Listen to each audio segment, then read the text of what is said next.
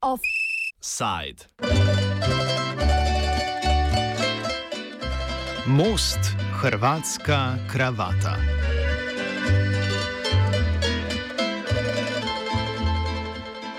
Nov avgustovski teden, nov lokalni offside. Če novinar aktualno-politične redakcije počitnikuje v tujini, potem je tudi lokalno okolje nekoliko drugačno, tema pa bolj sproščena. No, sproščen je predvsem način pogovora, tema je resna, celo grandiozna. Na hrvaškem otoku Pašmanu smo se namreč pogovarjali z domačinom Borisom Travico, ki se že desetletja bori za realizacijo ideje o gradnji mostu med Pašmanom in Kopnim. Njegove aktivistične metode so predvsem kulturno-umetniške. Intervju z njim smo tako opravili v naselju Mali Pašman na plastičnih stolih ob glavni otoški cesti, kjer je Travica postavil improvizirano cestno tablo z napisom in simbolom za most, njegovo dolžino in imenom Most Hrvatska kravata. Na cestno tablo je prislonjen rešilni obroč z napisom Dugi otok in Iš. Izbira kraja intervjuja ni bila naključna. S Travico smo se pogovarjali na mestu, kjer bi se most dotaknil kopnega.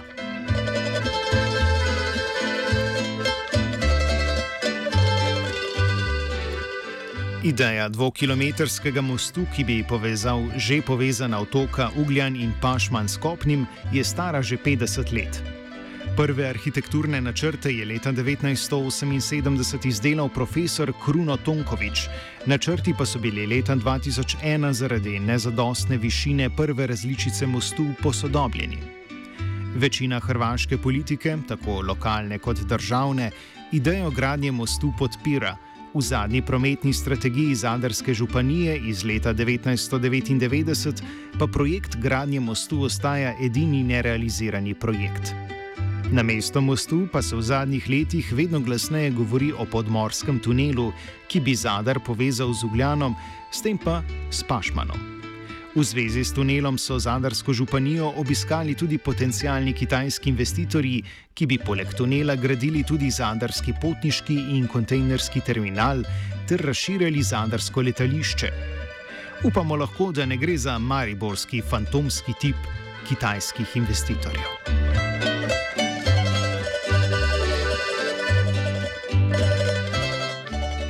Most ali tunel koristi od stalne povezave Pašmana in Ugljena s kopnim ne bi imela zgolj ta otoka, temveč tudi bolj oddaljena Dugi otok in Niž, za katera bi se plovba močno skrajšala, zveza pa bi bila pogostejša in zanesljivejša.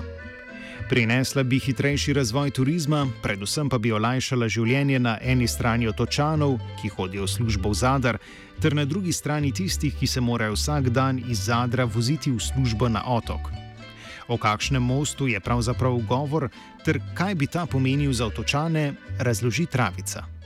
Evo, most, most kopno otok Pašman, to znači čvrsta veza e, koja već postoji, vidimo ovdje projekt već postoji 40 godina, do dan danas nije se počeo raditi. Most bi bio dugačak 2263 metra, od kopna do prvog otoka Ričul bilo bi dužine 555 metara, plovni put za brodove bio bi širok 500 metara, visina za brodove 40 metara, to znači svi brodovi koji prolaze tu kroz Pašmanski kanal mogu proći ispod tog mosta. Dubina kanala je 15 metara. I stupovi, to znači noseći stupovi do Ričulja ima ih 13, a od Ričula do Pašmana ima ih 21. Projekt je napravio Jure Radić još davne 1981. godine u dvije varijante koliko vidimo i na slici. Jel? Taj most taj most, kao što je voda napravila revoluciju na otoku Pašmanu, pored ceste, pored telefona, kad je voda došla prije 20 godina na otok Pašman, ona je napravila totalnu revoluciju, a taj most bi napravio duplu revoluciju što se tiče otoka Pašmana i Ugljana. Za duplo revolucijo, ki bi jo po travici most prinesel za avtočane, pa ne bi bil potreben revolucionaren način gradnje. Pašmanski kanal je namreč globok zgolj 15 metrov, podmorska podlaga razmeroma stabilna, veter v kanalu pa ni premočan. Kako trenutno brez mostu izgleda otoško življenje, razlaga Travica. A u stvari mi smo, mi smo, mi smo pregrađe Zadra, ja bih rekao tako. I to je, to je daljina, odade do Zadra imate vi, recimo linijski, nekih e, 25 km. To je tako blizu, a daleko. I koji su onda glavni problemi života na otoku? Zašto je potreban most da spoji otok sa A kopnom? most je potreban upravo za takvo, jer ako smo živi, mislim, živiti, ako si živ treba raditi, jesti, tako da, da, da ranih mjesta nema.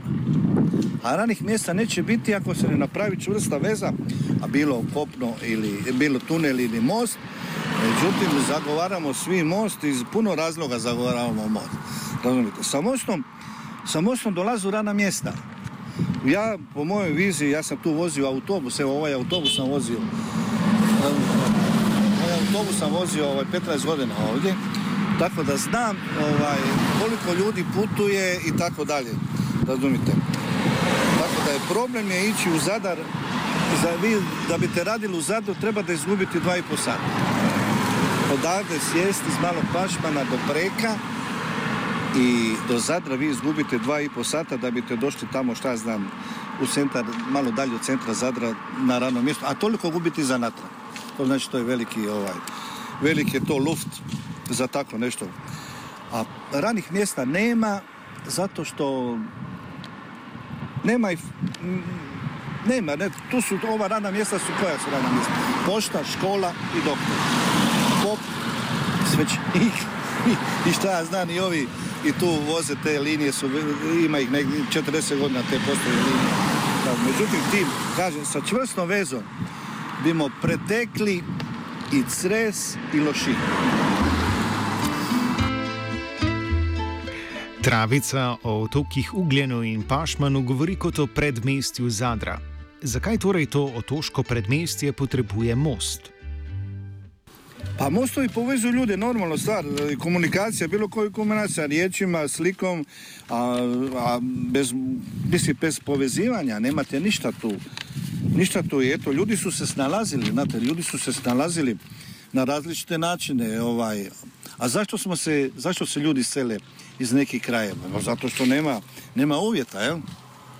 I sada ako se most ovaj ne napravi kroz, kroz recimo ja ću staviti 5 godina stanovnika otoka Pašmana, selit će se ljudi sele, recimo poslije osnovne škole, bilo muška djeca ili ženska, oni idu u Zadar, u Rijeku, Split, Ljubljanu, Zagreb, oni ostaju dalje. Oni traže svoj izlaz i jer tu nema života. Tu se jedino vraćaju ovi poput mene u mirovini ljudi.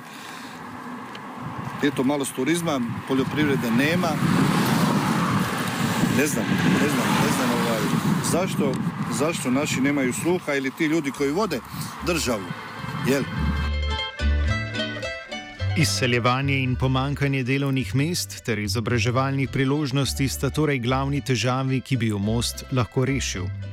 Kljub 50-letnim idejam o njegovi gradnji pa je realizacija še daleč. Da bi jo pospešil, Boris Travica že 25 let organizira kulturno-umetniške akcije, s katerimi iz javnosti izvablja simpatije do ideje povezovanja z mostom, politiko pa sili k reagiranju. Prisluhnimo, prisluhnimo opisu začetkov njegovega aktivizma.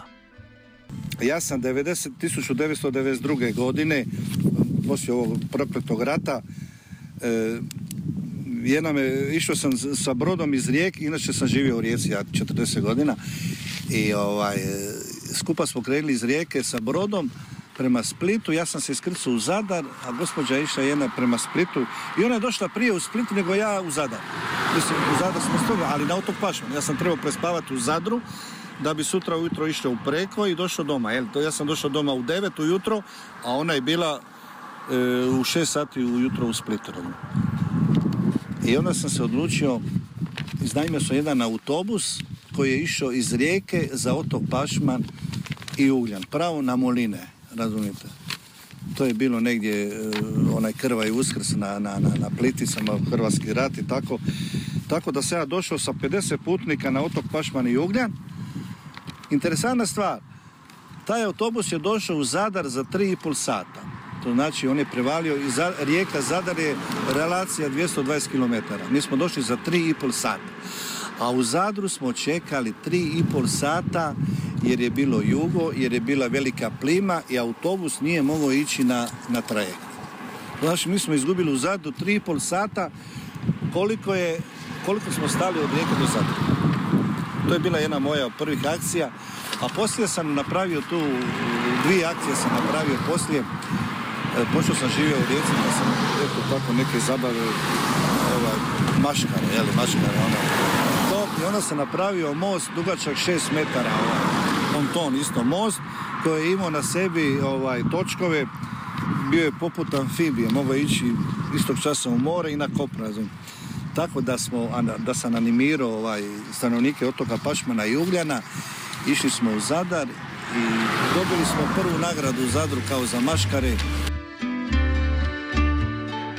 Poleg opisanih akcij se je Travici pred nekaj leti uspelo upisati tudi v Guinnessovo knjigo rekordov, ko je s 4000 skupaj zvezanimi kravatami otok Pašman povezal s kopnim. Trenutno skupino somišljenikov snuje akcijo državljanske nepokorščine in sicer postavitve pontonskega mostu med Kopnim in Pašmanom, na katerem bi v počitniški prikolici preživel leto dni. Njemu in otočanom želimo vso srečo v prizadevanju za realizacijo mostu.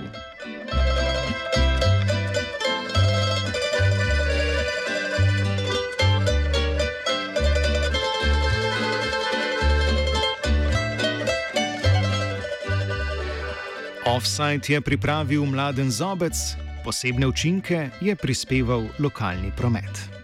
Halo, halo, ovdje Radio Zagreb.